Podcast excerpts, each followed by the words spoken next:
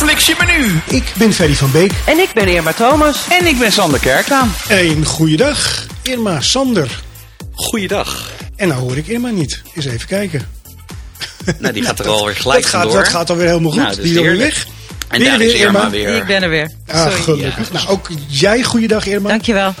Eh, welkom bij aflevering 31 van Wat Fliks je menu. We zijn te beluisteren via je favoriete podcastplatform of via Good Life Radio. Elke vrijdagavond tussen 6 en 7. We hebben een behoorlijk volle aflevering. En we hebben een hartstikke leuke gast. Dat is Alain de Levita. Goeiedag. Goeiedag. Leuk dat je er bent. Fijn dat je tijd gemaakt hebt. Leuk om hier te zijn. We gaan straks eh, gezellig even met je eh, babbelen over de dingen die jij eh, gedaan hebt. Een van de dingen is natuurlijk de meest recente, denk ik, de Slag om de Schelde. Eh, Dat is zeker het meest recente. nou, Die gaat als daar een zo- tierenlier, hè? Ja, die gaat goed, ja. Ja, hij gaat hartstikke goed. Ja, ja. Godzijdank. Ja, super. Want jullie hebben behoorlijk wat pech mee gehad natuurlijk met het verschijnen in de bioscoop. Nou ja, pech in, in zoverre dat eh, iedereen heeft pech gehad, want het was corona. Dus eh, ik was niet de enige met pech. eh, Of eh, wij als makers. Ik bedoel, of je nou naar een café gaat of, of, in het park of waar dan ook. Iedereen had last van de coronacrisis. Dus wij ook. We hebben wel geluk gehad dat we net klaar waren met de opname toen corona uitbrak.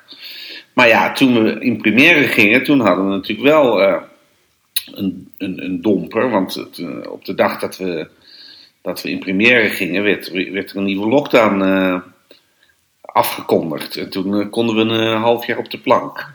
Is, is dat een klein GVD'tje geweest? Een klein GVD'tje. Nee, eigenlijk niet, want we, we voelden het wel een beetje aankomen. Tuurlijk baalden we, maar ja, het is ook geen vis, hè, dus hij blijft gewoon goed. En, en als je nu kijkt, hebben we achteraf, als we toen waren uitgegaan, mochten er maar 50 man in de bioscoop. Nee, 30. En, eh, en, en eh, af, we zijn nu ongeveer een dikke maand uit. En nu mogen er 50 of zelfs 150 in de bioscoop.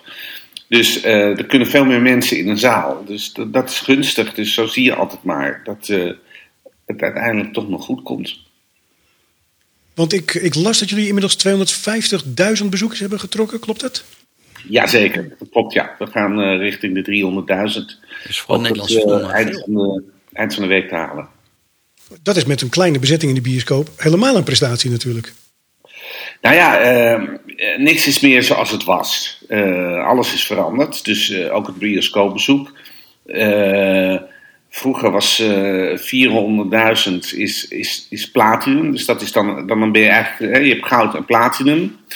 Eh, en dat, eh, dus dat is een mijlpaal. Eh, om dat in deze tijd te halen is natuurlijk een stuk moeilijker. Want ja, er, zijn, er gaan gewoon minder mensen naar de bioscoop. En, en er is ook verschrikkelijk veel concurrentie, want al die films zijn opgestapeld die niet uitkwamen. Dus wij gingen. ja, er zijn inmiddels al 50 titels uitgegaan sinds wij in de bioscoop gaan. Dus, dus we zijn heel blij dat we nog steeds op één staan. Met, met welk aantal bezoekers zou je heel erg gelukkig zijn? Nou, bij 400.000 is het geslaagd. Bij 500.000 is het eh, echt een eh, succes. Een behoorlijk succes.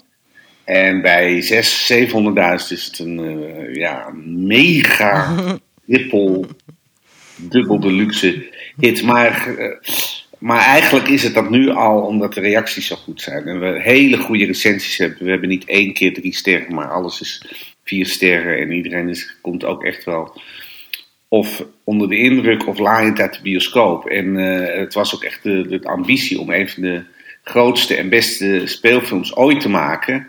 Dat, dat klinkt natuurlijk eh, heel eh, pittig. Maar ja, het was ook een hele dure film. Dus we waren dat eigenlijk ook wel verplicht aan, aan, aan, aan, aan ik zal maar zeggen, de filmstand. Dus, dus de lat ligt ook echt heel hoog. En, eh, en, en, en zo zien we dat. Dus we zijn niet gauw tevreden. Want hij heeft 14 miljoen euro gekost, heb ik gelezen. Ja, ietsje Dat meer. is ja. voor Nederlandse films eh, bijzonder hoog. Ja, zeker. Dat is eigenlijk de, de duurste film die zo begroot was. Er is één film die is duurder geworden, maar die was oorspronkelijk 11 miljoen, maar die, die is enorm uitgelopen. Dat was Zwart Boek. Dus die is. Oh. Dus, maar, eh, maar dus die heeft meer gekost, maar hun initiale budget was, was lager. Verdien je dat terug in Nederland? Nooit. Nee. nee. Het, het is toch een mooi antwoord, is dat? De- want de vraag is dan, waarom doe je het dan, Alain? Nou, het is een, een eerlijk antwoord. Ehm, kijk, je maakt films. eh, natuurlijk wil je een, een, een, een, eh, een, een goed belegde boterham verdienen. Maar eh, in Nederland maak je, is, is uit de exploitatie moeilijk wat te verdienen. Dat lukt je alleen als je hele goedkope films maakt waar heel veel mensen naartoe gaan. Zoals bijvoorbeeld, daarom zie je zo, worden we echt doodgegooid met romcoms. Omdat die eh, relatief heel goedkoop te maken zijn. Ergens tussen de 1 en 2 miljoen. 2 miljoen is, al, is al duur. En er gaan toch wel 300.000, 400.000 mensen naartoe. Dus dan verdient men uit de exploitatie behoorlijk, behoorlijk geld. Dat kan echt. Maar bij, bij 14 miljoen ligt dat natuurlijk heel anders. Eh, wij verdienden geld door het te maken, want er zit gewoon een producers fee op en overhead. En op zo'n enorm bedrag is dat ook ge- geld, serieus geld. Maar ja, daarvoor lopen we wel al het risico. En, eh, en is ongeveer het hele bedrijf eh, er drie jaar mee bezig geweest. Maar uiteindelijk doe je dit, eh, nou laat ik voor mezelf spreken. Persoonlijk, nu het hele medialandschap eh, veranderd is met de komst van de platforms zoals Netflix en Amazon, en er komen nog meer, zie je dat er ruimte ontstaat voor grotere, ambitieuzere projecten. Nou, wat is een beter visitekaartje als je laat zien dat je de duurste, of de één na duurste, als je wil, film kan maken, dat dat goed gaat, dat die binnen budget blijft, dat er geen problemen zijn en dat het succesvol is. Dus het is eigenlijk ook een investering in de toekomst. Want ik wil heel graag met mijn bedrijf, eh, wat ik samen heb met Paula van der Oest en Mark van Eeuwen, maar ook met Matthijs van Heiningen, met wie ik heel nauw heb samengewerkt op deze film en die ik als een van de grootste regietalenten zie van ons land, wil ik meer van eh, dit soort projecten doen, of misschien nog groter. En Je- daar is dit natuurlijk een. eh, een Ben je, ge- ben je al gebeld door Netflix? nou, die bellen niet zo gauw, maar eh, we kennen ze heel goed. eh, en eh, we zijn eh, voortdurend met ze in, eh, in gesprek. En eh, het klopt inderdaad dat, eh, eh, dat we binnenkort gaan praten over nieuwe projecten. Oh, wat cool. Ja, Want zij zaten hier toch ook al een deel, voor een deel in, of heb ik dat niet goed begrepen? Nee, dat klopt. Uiteindelijk, als, als hij uit de bioscoop is, dan eh, in het najaar verschijnt hij op eh, Netflix als een Netflix original. De eerste Nederlandse Netflix original speelfilm. En eh, dus ze zijn zeker betrokken bij deze film. Maar het is echt een bioscoopfilm die eerst in de bioscoop helemaal uitdraait. En dan, ze eigenlijk zoals alle films, uiteindelijk op, op een platform terechtkomt. Maar in dit geval is, is Netflix ook echt een serieuze partner in de film. En eh, gaan ze ook de film heel groot internationaal uitbrengen. En wordt die in bijvoorbeeld, ik geloof in negen verschillende landen gedubt. En, eh, eh, en zit daar ook weer een hele ambitie aan vast. En, en dan ga je betere Nederlandse Netflix films maken dan Just Say Yes. Ehm, ik, ben niet, ik zit niet op de stoel van de rechter. Eh, en eh, het is. eh, Vanavond wel hoor. Vanavond. Nou ja, het is, ja, kijk, en het is natuurlijk. eh, producenten onderling kijken graag eh, bij elkaar eh, hoe dingen gemaakt worden, maar laten zich er niet zoveel over uit. Ook niet in positieve zin, ook niet in negatieve zin. Dus dat, dat ga ik ook niet zo, doe ik ook niet zo makkelijk. Er zijn uitzonderingen als het echt heel slecht is, of heel goed. Dan, eh, Maar dan dit was, dit was echt heel slecht. Ik heb het niet gezien. Oké, ik, zou het ook- ik zou er ook niet aan beginnen als ik jou was. Hey, Alain, even over het financiële plaatje. Hoe, eh, die financiering van zo'n film, veer- 14 miljoen. Want er moeten dus eh, eh, nou ja, instanties mee financieren.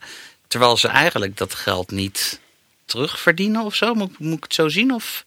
Ja, maar een heleboel mensen verdienen. Kijk, er zijn, er zijn regelingen die, eh, die er niet zijn om, geld, om te, geld te verdienen, maar om films te promoten. En eh, om, iets, om iets te doen. Het V-fonds is de belangrijkste partner van de film. Het is het Veteranenfonds. En die steken in eh, projecten die gaan over eren, herdenken eh, en, en in leefd houden van, van de, de oorlog, de veteranen. En die sponsoren dus heel veel musea en, en, en evenementen, en 4 5 mei, en noem het allemaal maar op. En het was eigenlijk, of het was niet eigenlijk, het was hun initiatief om ter ere van 75 jaar bevrijding een grote nieuwe film te, te, eh, te initiëren. Die een nieuwe generatie leert over de oorlog en hoe het is om in zo'n oorlog terecht te komen. En hè, wat je dan. eh, wat je opties zijn. Je doet niks, je doet wel iets, je maakt verkeerde keuzes, goede keuzes. Nou, dus dat was, een, dat was de opdracht. En eh, zij staken miljoenen in het project, anders hadden we die film ook helemaal nooit kunnen maken. En dan krijg je eh, een distributeur, het Filmfonds. eh, en allerlei regelingen. Dus als je een aantal miljoenen hebt, laten we zeggen dat aan, aan, aan fondsen en dingen 6, 7 miljoen zit, dan ga je naar Litouwen. En daar is, zijn belastingregelingen dat alles wat je daar uitgeeft, krijg je 30% van terug. Dus met die miljoenen kan je het budget ook weer naar een hoger plan trekken. En zo bouw je eigenlijk een soort financiering. Het is een beetje ingewikkeld om dat allemaal uit te leggen. En ook heel saai. Eh, maar eh, het komt erop neer dat je uiteindelijk wil, komt eh, waar, je, waar je wil zijn. En als je dat niet redt, dan haal je dingen uit de film en, eh, of uit het script, net zolang totdat je wel tot het budget en het script hetzelfde zijn. Nou is dit, onder- dit, dit onderwerp, de slag om de Schelde, ik had er echt nooit van gehoord. En ik heb met mensen gesproken, die hadden er ook nooit over gehoord. Het, het is echt, eh, want volgens mij in het Engels gaat die heten The Forgotten Battle. Klopt. Eh, ja. Eh, Dat is hij ook echt. Ja, godzijdank. Nou ja, het, je moet eigenlijk zeggen, het was de Forgotten Battle. Want als het aan ons ligt, is hij niet meer de Forgotten Battle. Nee. Hè? Is, eh, en dat zie je nu al. Dat, ja, ik denk dat er in Nederland, eh, eh, nou, laten we voorzichtig zijn, maar de helft van de, van de, van de bevolking weet nu wat de slag om de Schelde is. En dat is ook eigenlijk hartstikke goed. Want, want we zochten natuurlijk ook echt naar, een, naar iets wat, wat nog niet verteld, wat, wat bijzonder was. En wat heel invloedrijk was. Of heel spannend, groots. En dat was de slag om de Schelde. En, ehm, en de reden waarom het, eh, waarom eh, het nooit was, eh, was verfilmd was twee, tweeledig eigenlijk. Allereerst speelt het zich natuurlijk af in Zeeland. En die Zeeuwen die zijn nou niet, die schreeuwen hun, hun leed nou niet echt van de daken. Dat heb ik gezien bij, eh, bij De Storm. Dat is een film over de watersnoodramp. Die we daar hebben opgenomen. En die dus daar ook over gaat. En, en ook omdat de, de watersnoodramp van 53 zoveel aandacht kreeg in Zeeland, werd de slag om de Schelde een beetje naar de achtergrond gedrukt. Tweede reden is dat de, de soldaten die daar overal over de Sloedam Walcheren hebben bevrijd, zijn Canadezen. En er zitten dus geen, eh, nauwelijks of geen Amerikanen in het hele slag om de Schelde verhaal. En daarom is er nooit ook door Amerikanen een film over gemaakt. Dus ja, daar heb je al twee redenen waarom het niet, eh, nooit verfilmd is. Maar dat neemt niet weg dat, de, dat, dat, het onderwerp en de gebeurtenis echt cruciaal was voor, eh, voor de bevrijding van Nederland, de bevrijding van, van, eh, van West-Europa en uiteindelijk het einde van de Tweede Wereldoorlog, omdat de, de Schelde bevrijd moest worden. En, en, want de Schelde loopt naar Antwerpen en die Antwerpen was wel bevrijd. En daar waren de geallieerden, die moesten bevoorraad worden. En daarvoor moest dus Walcheren en, en, en de Atlantic Wall, die, op, die naar de Schelde en naar de zee keek, moest veroverd worden. En dat vonden wij een hele mooie arena om de film in te situeren. Ja, cool. Nou, wij ook. Oh, Als je, als je dan begint aan zo'n project, en dan vraag ik me af, eh, kijk je dan ook naar oorlogsfilms uit het, eh, uit het verleden? Om, eh, om daar inspiratie bij op te doen? Of ga je echt gewoon met een blank stukje papier zitten en van ik ga het helemaal anders doen? Nee, zeker niet. Want dat zou ook niet. dat zou heel, heel arrogant en dom zijn. Want er zijn natuurlijk prachtige oorlogsfilms gemaakt. En zeker als je wil proberen te meten aan dat soort grote producties, zoals Saving Private Ryan, daar worden we dan regelmatig mee vergeleken. Uh, en ook met de kwaliteit van onze uh, actiescènes. Nou, dat is natuurlijk niet voor niks, want we hebben daar heel goed naar gekeken. Uh, we keken naar de, het beste in het genre en dat probeerden we als benchmark eigenlijk te, te hanteren voor onze eigen film.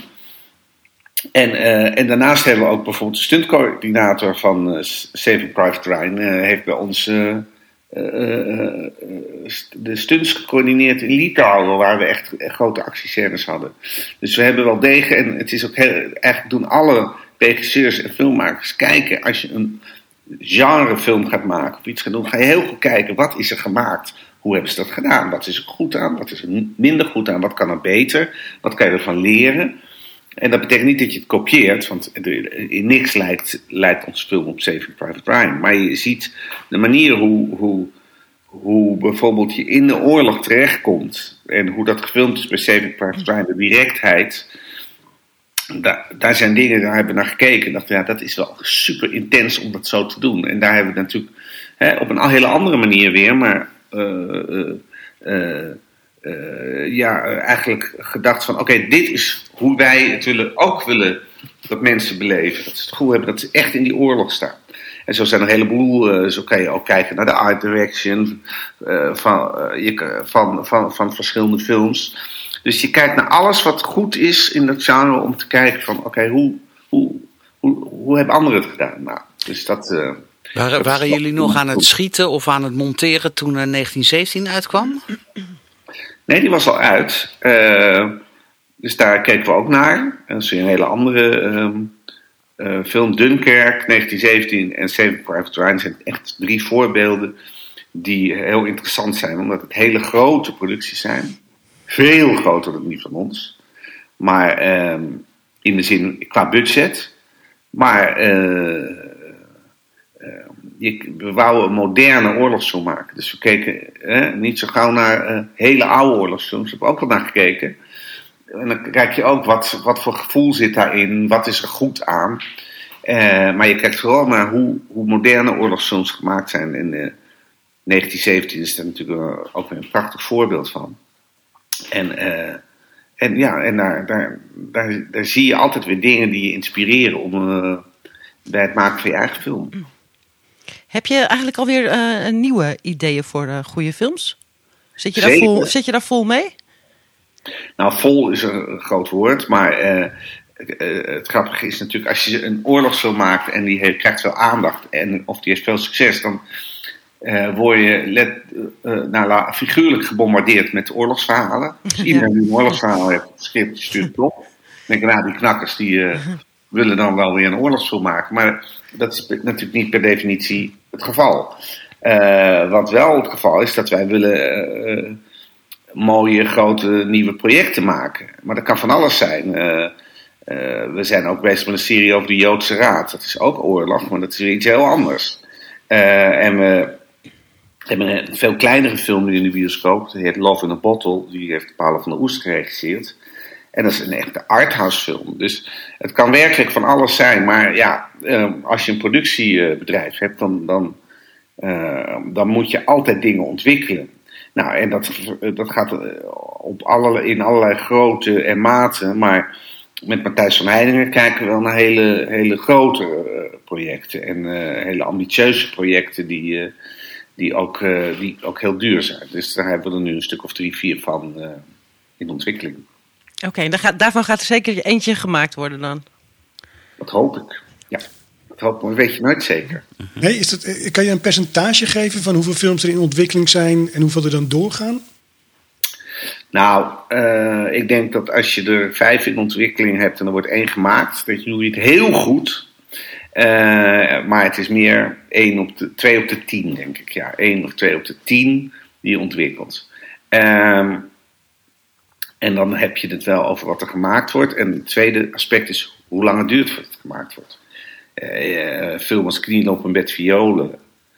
Uh, dat is eigenlijk een van de best verkochte boeken ooit in Nederland. 500.000 boeken. Dus ik dacht, die, dat hebben we zo uh, voor elkaar. Maar daar zijn we tien jaar mee bezig geweest. En waar ligt dat dan aan? Nou, dat ligt eigenlijk aan dat was bijvoorbeeld een heel moeilijk verhaal om het in het script goed en invoerbaar en er een film van te maken. Sowieso is van een boek een film maken veel lastiger dan je denkt. Want een, een boek is een boek. En, eh, en het is gewoon een totaal ander iets dan een film. Dus om, dat, om daar een film van te maken, zeker als het gaat over iemand die je eigenlijk niet goed begrijpt en die allerlei keuzes maakt die, die, die heel ingewikkeld zijn, dan, dan duurt het dus lang voordat je dat script zo goed hebt dat, het, dat iedereen er blij mee is en dat je het ook gefinancierd krijgt. Dus eh, dat is heel verschillend. En, eh, dus ja, sommige eh, projecten worden gemaakt als je maar lang genoeg wacht en, hè, en lang genoeg tijd en energie erin steekt. Algemeen is mijn vuistregel de afgelopen jaren, en dat is eigenlijk een beetje nieuw, en dat is wat op zich heel, heel stom is eigenlijk, na weet ik veel, 25 speelfilms, kom ik er dus achter dat je moet alleen een speelfilm gaan maken. Niet als je denkt van, nou, dat kan, eh, dat kan gemaakt worden. Of, nou, dat wordt vast eh, leuk of goed of prima. Of, eh, maar je moet echt denken, het wordt fantastisch. Het wordt echt helemaal super deluxe geweldig te gek. Anders, Niet aan beginnen? niet, doe het niet. Dus in ieder geval is dat nu, ehm, is dat voor mij in ieder geval eh, hoe ik er naar kijk. En, eh, en dat moet ik ook doen, want eh, ik ben nu in de 60, begin 60 en ja, dus ja, ik, ik sta niet aan het begin van mijn carrière. Ik heb ook niet een, vroeger had ik een heel groot productiebedrijf. Wel het grootste in Nederland waar het om drama gaat. Dus dan moet je ook heel veel dingen doen. Dat- die- Ik heb nu de luxe dat, we, dat, dat het bedrijf veel kleiner is. Dus we hoeven niet voor de omzet heel veel producties te draaien.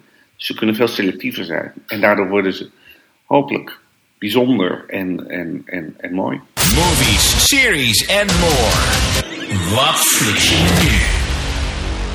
Ik had wat, eh, wat vraagjes van mensen die via de socials eh, waren gekomen. Eh, dus die wil ik graag even aan je, aan je stellen. Eh, Angela R. Die, eh, die, die stelde de vraag van... waarvan droom je om het ooit nog te mogen maken?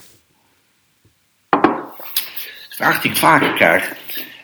Dat is moeilijk, omdat als, je als ik daar iets over zeg, dan zeg ik iets wat al gemaakt is. En je wil natuurlijk iets maken wat er nog niet is, snap je? Dus, maar er zijn wel voorbeelden waarvan ik denk van, ja, dat is natuurlijk echt fantastisch. Dat is, het eerste wat me te binnen schiet is een film als The Shawshank Redemption.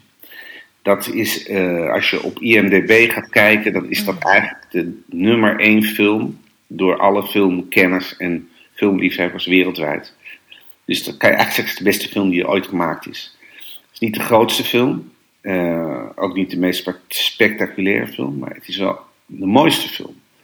En eh, een film maken die, die, die zo'n impact heeft en die als je hem voor de tiende keer kijkt, je nog, je nog steeds raakt of, en ontroert en beweegt, motiveert. Ja, dat is natuurlijk iets wat je echt eh, heel graag wil. Maar eh, zonder nou. ehm, eh, ik, ik hoop dat Angela was het, geloof ik, dit op de goede manier opvat.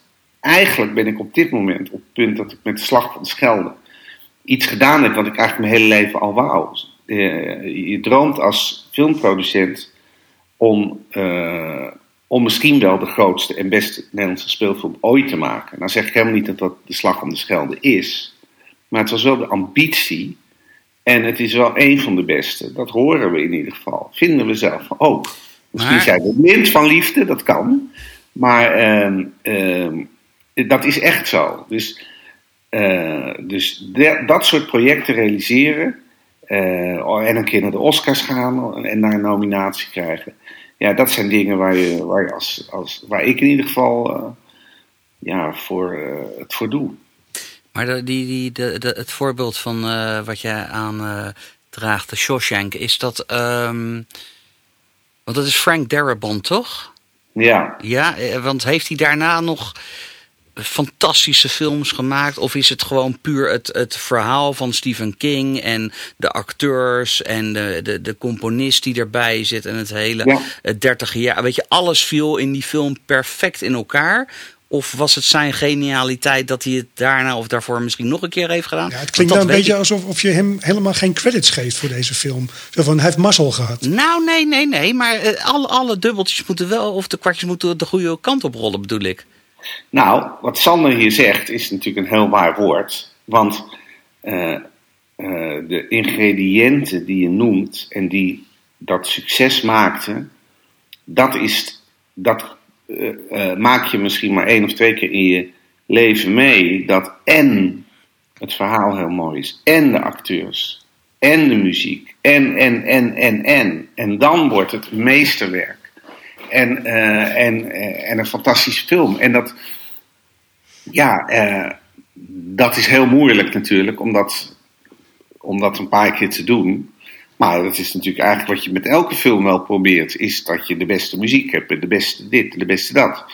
Lukt alleen niet altijd, helaas. Maar eh, die ambitie eh, is belangrijk. En bij de Shawshank Redemption is dat bijvoorbeeld heel goed gelukt. Dat is het mooie aan die film. Is dat je, dat, dat je als je kijkt naar waaruit een film bestaat, uit een script en uit acteurs en uit het verhaal en hoe het gefilmd is. En uit de voice-over en aan de, de spanningsboog en hoe het eindigt en wat je erbij voelt. En dan gaan ze maar door. Al die dingen zitten erin en allemaal goed. En allemaal echt heel goed. En dat is het bijzondere van die film. Want het is gewoon een film over een gevangenis en iemand die onterecht eh, wordt veroordeeld. En, en, en, en blijft geloven en uiteindelijk door zijn geloof en doorzettingsvermogen overleeft. En dat is iets wat iedereen aanspreekt. Of je nou worstelt met een ziekte, worstelt met werk, worstelt met je leven, met wat dan ook. Is dat de essentie van het leven zit in die film. En iedereen die die film kijkt, voelt dat. Voelt dat echt. En er is geen on- ontkomen aan. En dat, wordt dat komt door al die facetten bij elkaar en niet één ding. Dus de regisseur verdient daar al heel, heel veel credit voor. Maar inderdaad ook de muziek. En ook de acteurs, et cetera. En dat maakt het eh, zo moeilijk en zo bijzonder. De niet to miss series en films op Netflix, Videoland en Ziggo On Demand. Wat fliks je me nu? Ik heb hier ook nog een vraagje van Luca Vonk. Eh, die wil acteur worden. Ehm, en heeft een vraag. De film- en televisiewereld is namelijk erg moeilijk om binnen te komen. Ik probeer het namelijk al jaren, maar ik zie geen ingang. Ik probeer persoonlijk dan vooral voor de camera's te verschijnen. Mijn vraag is dan ook, hoe val je op in de televisiewereld... en hoe zorg je ervoor dat producers jou in hun film willen? Nou, ga daar Ja. maar aan staan. Nou, daar kan ik heel goed op antwoorden, denk ik. Want eh, dat, eh, die vraag wordt me niet voor de eerste keer gesteld. En, eh, en het is super relevant. Nou ja, goed antwoorden. Ik kan er eerlijk over zijn. Kijk, je moet weten of je talent hebt. Dat is één. Dat kan je in drie minuten zien. Als, Echt waar? Oh ja, meteen. Nou, laat ik het zo zeggen. Geen talent zie je meteen. maar echt. En Dus, Irma. Dan wordt het ook nooit talent. Je kan gewoon zien, dat, je ziet heel veel dingen hmm, niet. Als jij naar castings kijkt en naar screentesten, voor, voor rollen van mensen die we niet kennen, dan zal je verbaasd hoe kort we soms kijken naar die screentesten. Want je ziet het vaak meteen. En dat heeft dus niet eh, van alles met ervaring te maken. Van de acteurs. hè, Met, in- met, in- ja. Jij kan ook zien als iemand nog niet veel ervaring heeft of die talent heeft. Diegene. Nou, eh, ik denk dat wij als makers, dat, daar moeten wij een oog voor hebben. Dus je ziet meteen, als je daar een camera op zet, denk je, hé, hey, er gebeurt iets. Je oog wordt er naartoe getrokken. Iemand komt natuurlijk over. Iemand is niet aan het acteren. Want het grootste probleem eigenlijk, dat vind ik tenminste met acteren, is dat mensen gaan, als ze gaan acteren, gaan ze iets doen. En als je eh, gewoon een gesprek hebt met iemand, dan doen, doe, doe je namelijk gewoon niks. Je bent gewoon. Je doet gewoon. Je, doet, je acteert niet. Dus het, het is het goede van echt goed acteren is eigenlijk niet acteren. Als je begrijpt wat ik bedoel. Bijvoorbeeld, Ik Ja. heb een serie geregisseerd die heette In therapie ging over een psychiater. En daar zaten hele grote acteurs in. Alina Rijn, Carice van Houten, Jacob Derwig. Nou, noem allemaal maar op. En dat was een hele intense serie waar je echt gewoon naar die acteurs zat te kijken. Als je dan bijvoorbeeld Carice nam, nu zaten, zaten we te kletsen en dan gingen we draaien. En weet je wat er dan gebeurde als we de camera aanzetten en, en, en actie riepen? Niks. Er gebeurde niet zoveel, er veranderde niks zoveel. Daar bedoel ik mee, ze acteerden wel echt, maar je merkte het nauwelijks. Want ze was zo natuurlijk dat er was nauwelijks verschil tussen het gesprek wat je had toen de camera uitging en dat toen de camera aanging. Dus wat ik bedoel. Dat, is, Mhm. dat klinkt heel makkelijk, maar super moeilijk. Daarvoor moet je ook een heleboel dingen weggooien en dan moet je kunnen denken en eh, transformeren en al, al dat soort dingen. Het is allemaal niet zo eenvoudig, maar dat komt ook heel erg neer op talent. Of je daar een natuurlijk talent hebt voor hebt, enerzijds. Anderzijds moet je investeren om, het, om te leren. Dus je moet echt een opleiding hebben. Eh, zeker als je niet een totaal natuurtalent hebt, zoals er maar één op de miljoen eh, voorkomt, moet je het ook hebben van techniek. En moet je naar een professionele opleiding gaan. En, eh, en, en, en kijken of je daar wordt aangenomen. Want eh, wij zien pas ac- acteurs als ze zijn ingeschreven bij de grotere casting agents en de bureaus en, en casting directors. Die kiezen voor ons de acteurs voor. En die zien wij en, daar, en, op basis daarvan maken wij keuzes. Bij de Slag om de Schelde waren drie jonge mensen. Dus we, hadden, we wouden ook jonge, eh, nieuwe acteurs ontdekken. En, en met die film ook hè, eh, lanceren, zoals dat dan heet. Dus je zoekt naar nieuwe eh, natuurtalenten. Nou, het zijn alle, alle drie de jongens zijn hele supergoeie acte- acteurs en actrices. Hadden al dingen gedaan, dus ze hebben ze niet helemaal ontdekt. Maar als je kijkt bijvoorbeeld naar Suzanne Radder en, en, en, eh, en Gijs eh Blom, hoe die. Dat zie je, als je naar de film zou gaan, dan snap je het meteen. Bij, dan snap je ook binnen één minuut, als je naar ze kijkt, dat het goede acteurs zijn. Dat zie je gewoon meteen. Je ziet dat er een soort, dat heet dan camera appeal is, dat ze dus, dat, dat ze stralen op dat beeld, dat ze, dat ze interessant zijn. En, eh, en, en ja, en dus je moet dat, je moet eigenlijk dat aan je hebben kleven, wil je als acteur eh, succesvol zijn. Dus daarin moet je eerlijk in de spiegel kunnen kijken van ja, heb ik dat wel? Kan ik dat wel? Heb ik techniek? Eh, heb ik een opleiding?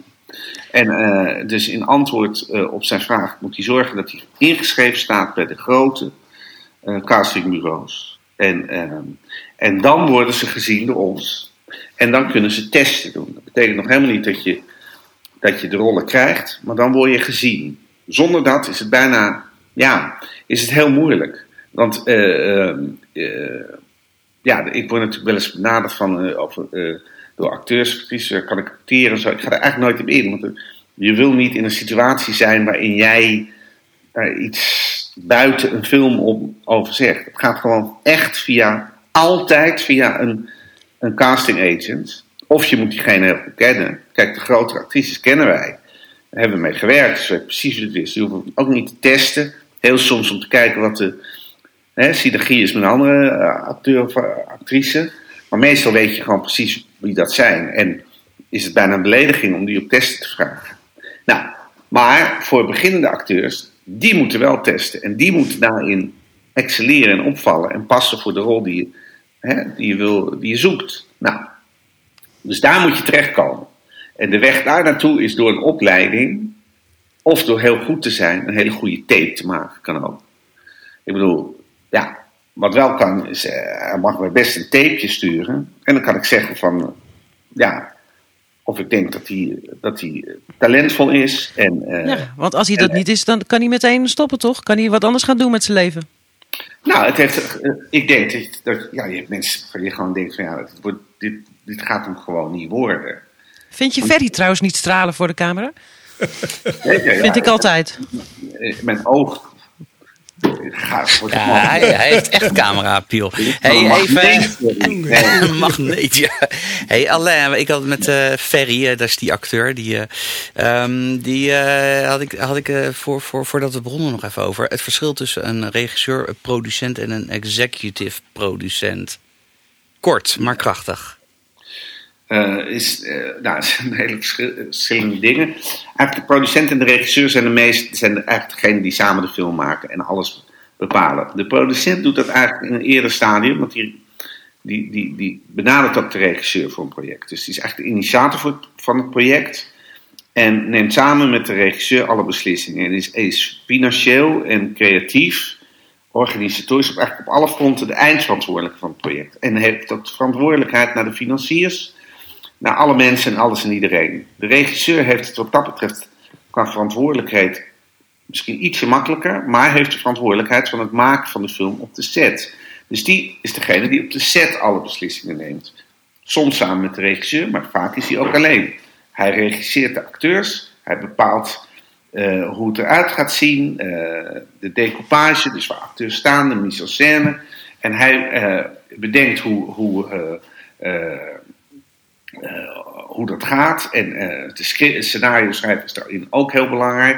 Eigenlijk een soort driehoekje weer met die producent. En die gezamenlijk bepaal je hoe dat verhaal wordt en hoe het wordt uitgewerkt. Dus de regisseur is vooral op de set. De producent is een soort, ja, een soort directeur of een soort ja, eh, eindverantwoordelijke van het hele project. En een executive is degene die, eh, die eigenlijk alle eh, eh, gelddingen regelt. Dus die zorgt eh, voor de financiering, die zorgt voor de contracten, die zorgt voor de afspraken. En je hebt executive producers in alle soorten en, eh, en maten. En naarmate hoe groot, beter ze zijn, hoe groter hun rol ook is bij de film. En hele goede executive producers hebben ook inhoudelijk eh, eh, wat te zeggen. En dan zijn er ook nog acteurs die als ze eenmaal onderdeel zijn van het succes van de film of de serie, ook executive producer worden, omdat ze zeggenschap willen en ook krijgen. En als, dat gaat zelfs zover dat, dat, dat er acteurs zijn die zo belangrijk zijn voor het project en zoveel succes hebben, dat ze ook mede-producent worden. Nou, dat is echt in een notendop eh, een beetje wat het eh, behelst. Ik wil je even nog een vraagje stellen over muziek. Want je zei net dat muziek hartstikke belangrijk is eh, bij een project natuurlijk. Eh, nu heb ik eh, de zaak Menten eh, bekeken. Eh, die ik- heb ik als tip gegeven in de vorige aflevering van Wat Flik je me nu. Ik vond het een geweldige eh, serie. Ik had hem nog niet eerder gezien. Ik ontdekte hem toevallig bij NPO Plus. Maar ik moet je eerlijk zeggen, ik was er bijna niet aan begonnen. En dat kwam door de titelsong. De titels- theme van eh, eh, Sammy Davis Jr. als Ja. titelsong van de zaak Mente. En toen wilde ik hem bijna uitzetten. Wat, wat, want wat voelde je dan? Wat, wat was je gevoel daarbij? Wat dacht je toen? Het, het gevoel was van, ik ken, ik ken die serie uit de jaren zeventig. En ik, ik had er helemaal, helemaal geen connectie mee met het verhaal over, over Mente. Ik, Ja. ik begrijp dat de tekst belangrijk was. Van if you can't do the crime, eh, of you can't do the time, don't do the crime. Eh, ik denk dat dat de aangrijpingspunt is geweest. Maar ja, voor mij, ik, heb, ik heb gelukkig heb ik hem niet uitgezet, want de serie is echt geweldig. Maar elke keer als die titelsong voorbij kwam, had ik zoiets van, ah, help. Ja. Oké, nou, dat hebben, we, dat hebben we dan niet goed gedaan. Eh, in ieder geval voor jou niet. Maar eh, eh, misschien zijn er ik weet natuurlijk nooit voor andere mensen daarop afhaken. Nou, ja, maar da- eh, je hebt, als je ook naar muziek kijkt, heb je ook twee verschillende dingen. Hè. Je hebt de titelsong en, ehm, en je hebt de muziek, de score. Dus, en ja, de titelsong, eh, bijvoorbeeld bij de Slag om de Schelde zit geen titelsong. Maar is de muziek eigenlijk veel meer gevoel dan echt muziek. En bij filmmuziek is eigenlijk het gevoel wat je daarmee versterkt van de film heel belangrijk. Dus eh, ho- hoe je dat uitkiest en, en begeleidt en, en hoe die muziek gecomponeerd wordt, is, is essentieel voor hoe je de film beleeft en, en, en, en, en eh, hoe je erin ook ingetrokken wordt. Een titelsong is eigenlijk een ding wat vooral bij televisie als aan het begin zit om de titels overheen te gaan en een leader mee te maken. Als je dat heel erg de verkeerde kant opstuurt, zoals in dit geval, ja, dan denk ik van oké, dan hebben we dat misschien niet goed gedaan. Het was bij mij het geval, eh, Alain. Dus Ja, er ja. heeft helemaal niemand er last van gehad. Maar dat kwam omdat ik waarschijnlijk een enorme ehm, affectie heb met Beretta. programma uit de jaren 70 waar die eh, muziek gebruikt is. Maar goed, Ja. ik, ik wil dat je toch eventjes eh, vragen. Ehm, ik wil even iets aan Irma vragen, want er zijn de laatste week eh, zijn, er is een behoorlijke opschudding. eh, zeg maar op eh, guiding.nl zag ik ook. over een programma wat op Netflix draait. en ik heb er ook naar gekeken. Dat is Sex Life. Ja. Wat is er nou toch allemaal mee aan de hand? Vertel het me eens. Nou, het is een. ik moest hem recenseren. Ik had al vermoeden dat het niet zoveel soep zou zijn. Maar ja, als goede recensent ga je dan toch eh, die hele serie zitten te bekijken. Eh, eh, nou, het gaat over, over een verveelde huisvrouw. Die getrouwd is met de perfecte man en verlangt naar haar hele wilde ex-vriendje. En ehm, in aflevering drie, op ongeveer eh 20 minuten. werd ik ineens uit de slaap ongeveer geschud door een douchescène. En het ex-vriendje staat onder de douche, draait zich om. Zijn piemel is vol in beeld. Nou, en die is werkelijk enorm. Ik doe het nu ongeveer voor. Dit, dit werkt Past niet in beeld zelfs. Ik heb, dus ik bar- ik barst in lachen uit. En nu blijkt dat het een heel ding is geworden op, eh, op internet en op TikTok en zo. En eh, iedereen eh, filmt elkaar terwijl ze elkaar die scène laten zien om de reactie te, te, te op te nemen. Het is, het is werkelijk idioot. Maar hij, is, eh, ik heb het uitgezocht, hij is echt. Dus dat was Ja, het nieuws van vandaag. Ja, Heb je hem nagemeten ook, of niet? Eh, nee. nee, maar eh, dus de, En de, daardoor eh, krijgt die serie zoveel aandacht dus. Ja, Ja. Dat, is, dat, is, dat is mijn punt. Want het is een verschrikkelijk slechte serie. ja, ja, ik heb hem één ster gegeven. Maar wel heel slim gedaan natuurlijk, hè? Ja, hij staat al, Ja. hij staat al de hele week op nummer 1 in de Netflix top 10. Dus iedereen kijkt ernaar. Zo zie je maar weer. Kijk, en met een, eh, als filmmaker kan, ben ik meteen geïnteresseerd hoe ze dat gefilmd hebben. Want ja, eh, je kan een piemel zo klein en zo groot maken als je maar wil. Dat ligt maar net hoe je de camera-instelling... Deze was niet klein te krijgen, kan ik je melden. En wat voor lens je erop zet hè, en eh, hoe je hem aanschiet. En eh, ja, dan kan je echt... eh, Dit klinkt alsof je daar heel veel ervaring mee hebt. Nou ja, we hebben wel ervaring met dingen klein en groot maken. En eigenlijk bij elk shot bepaal je hoe groot iets in beeld is en niet. En eh, ja, je kan bijvoorbeeld een telefoon, als je die op de voorgrond zet en je ziet iemand erachter, is die telefoon zo groot als degene die hem op gaat nemen. Maar, eh, eh, en als je het bij zijn oor houdt, is het nog maar een heel klein dingetje. Ja, dat, was hier beangstigend, want het beeld was ver af. En hij heeft hem godzijdank niet bij zijn oor gehouden, want dat was niet goed gegaan. maar het, ik weet niet, ken je de film eh, Boogie Nights nog? Met Ja. Dirk Dickler? Nou, Ja, fantastisch. dat formaatje was het, zeg maar. Ja, en, en eh, inmiddels hebben ex-vriendinnen uit Australië bevestigd dat eh, het werkelijk eh, het, het, het eh, ware formaat is. Nou, dus die acteur die, eh, die heeft voorlopig eh, eh, een glansrijke carrière voor de boeg, lijkt me. Ja, Boogie Nights 2. Heb, heb je nou niet, eh, nu je dit zo hoort, alleen het idee van... had ik maar een douche in Slag om de Schelde gedaan? Nee, absoluut niet. maar ik dacht dat je ging zeggen, had was je maar zo groot geschapen. Nee, nee, nee. Nou, Maar, nee, maar, nee, maar luister, eh, een uh, douchescène. eh, ja, want een Nederlandse film, daar moet natuurlijk seks in. Ja. Hè? Dat is, Ja. Nou, dit is alleen maar seks. Non-stop seks. Nou, daar zit natuurlijk ook misschien een ge- gedeelte van het succes. Dat mensen dat toch blijkbaar willen zien. In, in Nederlandse film hebben we er niet een hele eh, eh, fantastische reputatie Nee. mee. Hè? Dus dat is één. Eh, twee is past het eigenlijk niet, helemaal niet in het verhaal. Dus, en, eh, Nee, maar neem het mee voor je, voor je toekomstige Netflix-projecten. Want vorig jaar was, hadden we in de zomer een dergelijke hit op Netflix. Eh 365 DNI, een Pool- Poolse film. Oh ja, Erotisch. vergeten. En dat werd ook als een dolle bekeken. Dus het, het gaat hartstikke lekker op Netflix met erotische titels. nou, ik zal dit bespreken met de, met Zal ik de zeker doen. decision makers van Netflix. En eh, onze plannen er, erop aanpassen. eh, in, in grootte en mate. Desgewenst. Ja, maar eh, bij de Slag om de Schelde eh, is het totaal niet, eh, zou het echt... eh, de daar kan ik me wel iets bij voorstellen. doen? Hey, even, even, even tien jaar terug. Wel grote kanon, hè, bij de Slag om de Schelde. Dus Ja, nee, dat maakt heel veel goed hoor. Ja. Terwijl dat eigenlijk van die speelgoedkanonnetjes waren. nee, die waren ook echt hoor. Die waren echt. De beste streamingtips krijg je van Wat Flix je menu en Guiding. Hey, even tien jaar terug eh, alleen. Jij- ik zag op, eh, op jouw eh, wiki dat jij ook Penosa had geproduceerd. Ja, dat klopt. Dat vond ik eigenlijk, eigenlijk een van de eerste beste Nederlandse series. dat, dat ik echt denk van, nou, daar kunnen we wel trots op zijn. Ga, ga jij zoiets nog doen bij Netflix of hou je het echt alleen bij films? Nou, eh, ik, eh, ik werk niet exclusief voor Netflix. En, eh, nee, maar en- omdat je daar natuurlijk, weet je, daar hebben we het natuurlijk over. En zou jij zo'n zo'n soort serie, weet je, dat, dat vond ik ook voor Nederlandse begrippen, vond ik dat een groots opgezette serie. En het zag er goed uit, werd er goed in geacteerd. Ja, nee, kijk, zoiets. ik ga overigens, mag ik nog niet iets te veel over zeggen, maar ik ga wel een nie- nieuwe crime-serie maken voor de NPO, voor NPO 1. En eh, dat wordt wel een, eh, een meer Scandinavisch-achtige eh, serie. Cool. Een donkere serie. nou, dat is eigenlijk het enige wat ik er nu in dit stadium over kan zeggen. Dus ja, ehm, het goede van Penosa, die heeft ook in het buitenland heel goed gedaan. Het is een remake geweest zelfs in, in Amerika. En het, heeft, ja, het is aan vele landen verkocht en geremaked. Dat komt door een aantal dingen. Het is een En wat, sorry, maar wat is remaken in jouw ogen?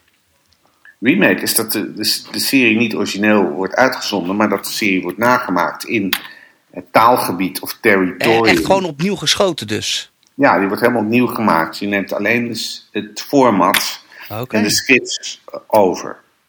Oké. En eh, met drama is het zo dat, eh, ja, hoe, ik weet niet naar hoe, hoeveel Poolse series jullie kijken, of hoeveel Franse, of hoeveel. eh vul maar in. Heel weinig. Misschien naar België, misschien naar Nou, Duitsland. tegenwoordig veel meer, omdat ze op Netflix staan. Ja, dat klopt. Maar eh, dat is dan voor het eerst in de geschiedenis. Ja. Eh, daarvoor kwam dat eigenlijk nauwelijks voor. Dat heeft met een aantal dingen te maken. Maar, belangrijk daarbij is dat fictie heel erg cultureel gedreven wordt. Dus het gaat ook over je eigen land, hoe wij met dingen omgaan, hoe wij naar dingen kijken. En daarom zie je ook dat dramaseries eh, vaak lokaal het veel beter doen dan dat ze reizen, zal ik maar zeggen. Dat ze overal an- op andere, in andere landen worden uitgezonden. Dat gaat nu inderdaad veranderen. Eh, dat is heel gunstig. En bij Penosa was het zo dat het gaat eigenlijk over een moeder die haar familie probeert te beschermen en daardoor in de criminaliteit terechtkomt als haar eh, man is, eh, is geliquideerd. En, eh, en dat is een heel invoelbaar thema. En dat is onderdeel van het succes. Het tweede on- onderdeel is dat we het heel rauw hebben gemaakt. Dus we hebben echt een soort. een, een, een on. een on. On, on-Nederlandse. Ik heb ook baantje gemaakt bijvoorbeeld. Dat is bijna tegenovergestelde. Dat was echt uit de, uit de tijd dat, eh dat misdaad nog gezellig was, zeiden we wel eens. Ja, echt. En dus was met een kopje koffie en een grachtje. Ja, er, ja, er gebeurde wel eens wat. Maar ja, uiteindelijk ja, werd het wel weer opgelost. Dan kon je dan slapen. Bij Penosa werd het, was het helemaal andersom, weet je. Zoals ook eh, eh, sommige series dat ook... eh, eh, in Amerikaanse series hebben, die, die ontsporen Breaking Bad of Sopranos. Die worden alleen maar harder, harder, harder aan het eind. En dat hadden wij ook wel een beetje. Eh, en dat was ook onderdeel van het succes. Dat je eindelijk eens een keer naar een serie kijkt die gewoon, waar dingen echt behoorlijk misgaan. En, en, en de manier waarop het gefilmd werd, was daar ook, en, en geregisseerd, wa- was daar ook zeker een onderdeel van het succes van. Ja. Het is wel veel gepreciseerd, klopt.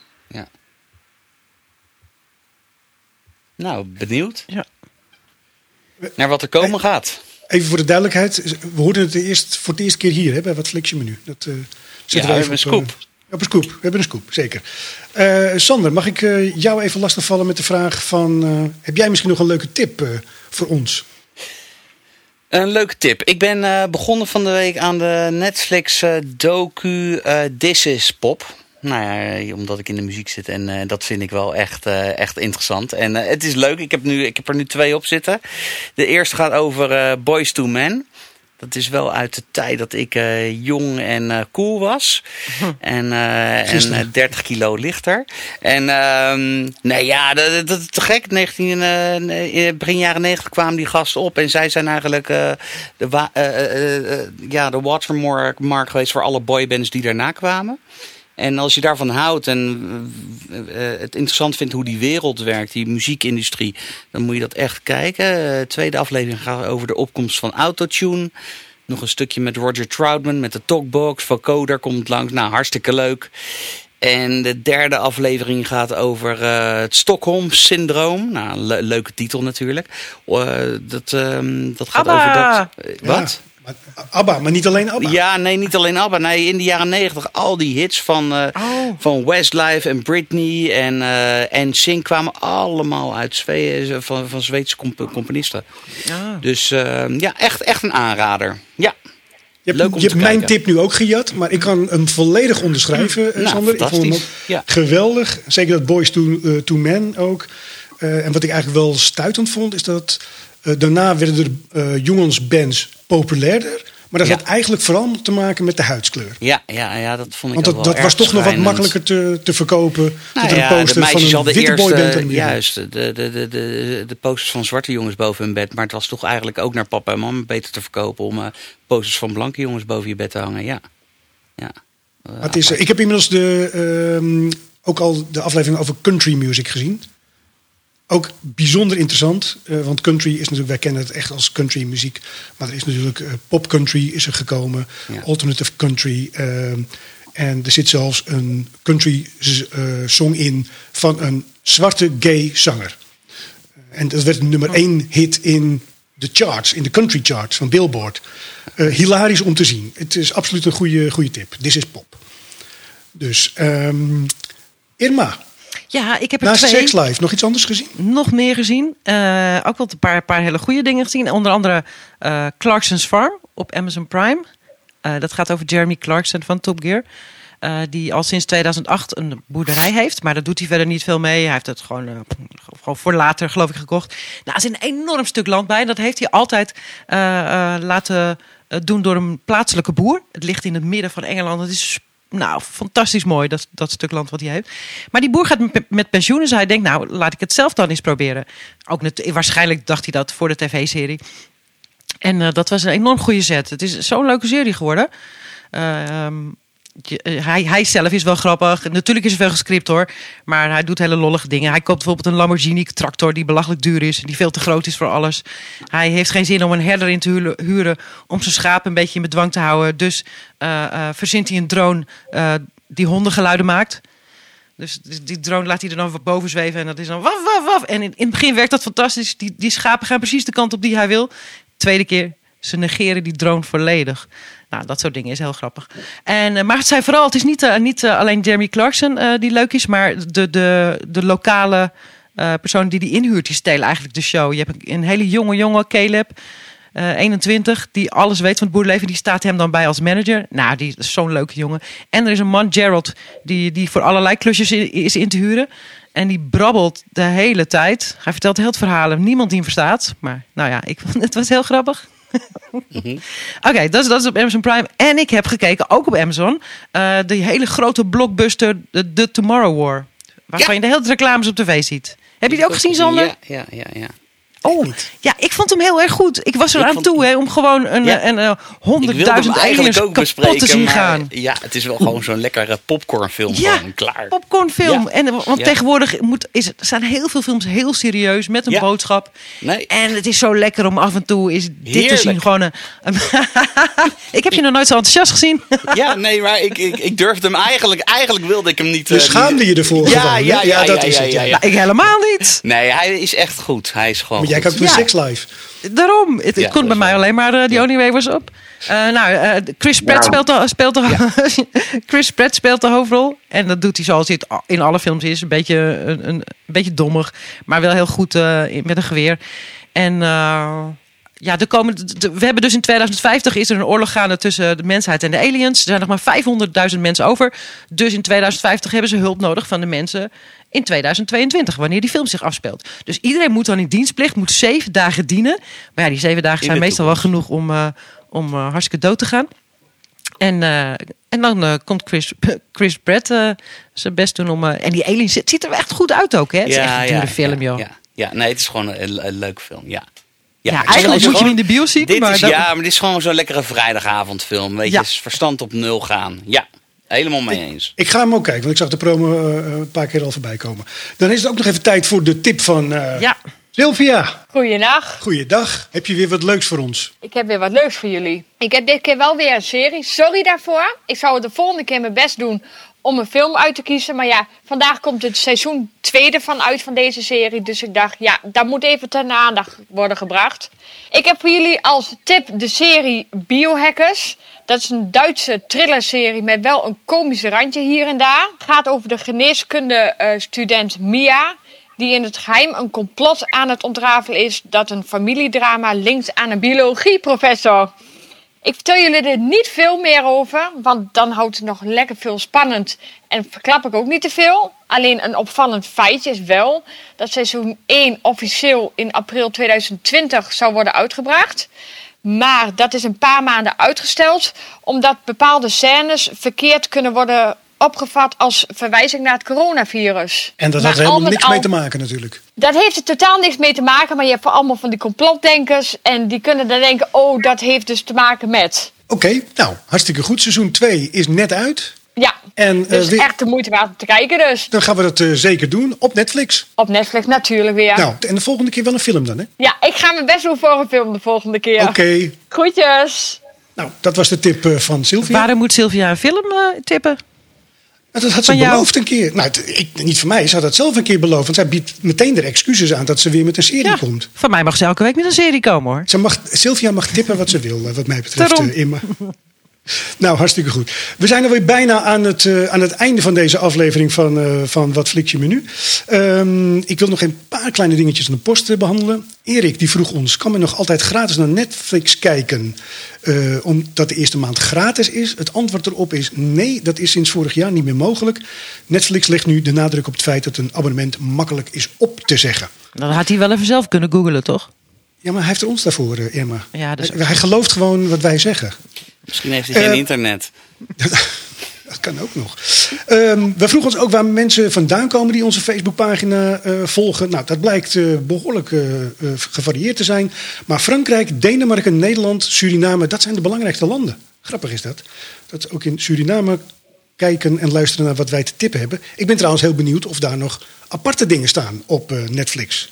Dus als je dat kunt, eh, kunt laten weten, heel graag. Ehm, vorige aflevering zei Willem de Beukelaar dat hij Gomorra de beste serie aller tijden vond. En Archie reageerde daarop: Yes, Beast. Ik neem aan dat Archie het dan met hem eens is. Ja, denk- dat, ja, dat ik weet denk niet het zeker. ook, Nou, hartstikke goed. Dat, eh, eh, dat was hem. Ik wil eh, Alain danken voor eh, de tijd en Ja, we, de input. sorry, sorry. Ja, nee, we moeten nog even één vraagje dan. Hè. De vraag ik weet der welke er vragen. komt. Alain, wat heb jij gezien eh, dat jij denkt van nou, dat moet je echt gaan kijken? Ja, de We hebben ultieme nog tip. één minuut, toch ver? Eén minuut nog. Ja. Ja, gewoon beste serie aller tijden? Nou, eh, de, ik heb een, rare tip misschien, maar dit is wel super indrukwekkend. Het is geen eh, serie. Dat is op de New York Times eh, site. Kan je een 45, jaar, eh, 45 minuten documentaire zien over hoe, een reconstructie van de bestorming van het Capitool. ehm, eh, eh, zoals dat. eh, Vorig jaar is gebeurd. pla- heeft plaatsgevonden. Dat hebben ze op sublieme wijze gedaan. Het is angstaanjagend. Het is enger en, en spannender dan, de, dan, de, dan welke science fiction serie dan ook. En, ehm, en ik kan die iedereen aanraden. En, want ja, de waarheid is toch altijd nog verrassender en gekker dan wij als filmmaker hem kunnen bedenken. Nou, dan gaan we het linkje naar die eh, documentaire gaan we eh, plaatsen. Eh, verder wil ik nog even zeggen dat alle tips natuurlijk na te lezen zijn op guiding.nl. Want Irma gaat ze allemaal weer mooi op een rijtje zetten. Zeker. Kan je deze er ook bij zetten dan voor ons? Ja, natuurlijk. Ja. Ja, Oké, nou hartstikke goed. Nou, ehm, Anna, wij willen gasten altijd met een glimlach weg laten gaan. Dat vinden wij belangrijk. Dus wij eindigen altijd met het item, zeg maar, dag met een lach. Daarmee probeer ik mensen altijd een beetje aan het lachen te krijgen. En het is je eigen keuze of je lacht of niet. Ja. De vraag is, die ik jullie deze keer zou willen stellen: wat is de wetenschappelijke naam voor een genderneutrale zeemeermin? Een zeemeer min of meer. nou, ik dank jullie hartelijk voor eh, Sandra en, Yes. en Irma. Tot over twee weken. Doei. Doeg! Doei, doei. Doei! Keep on streaming.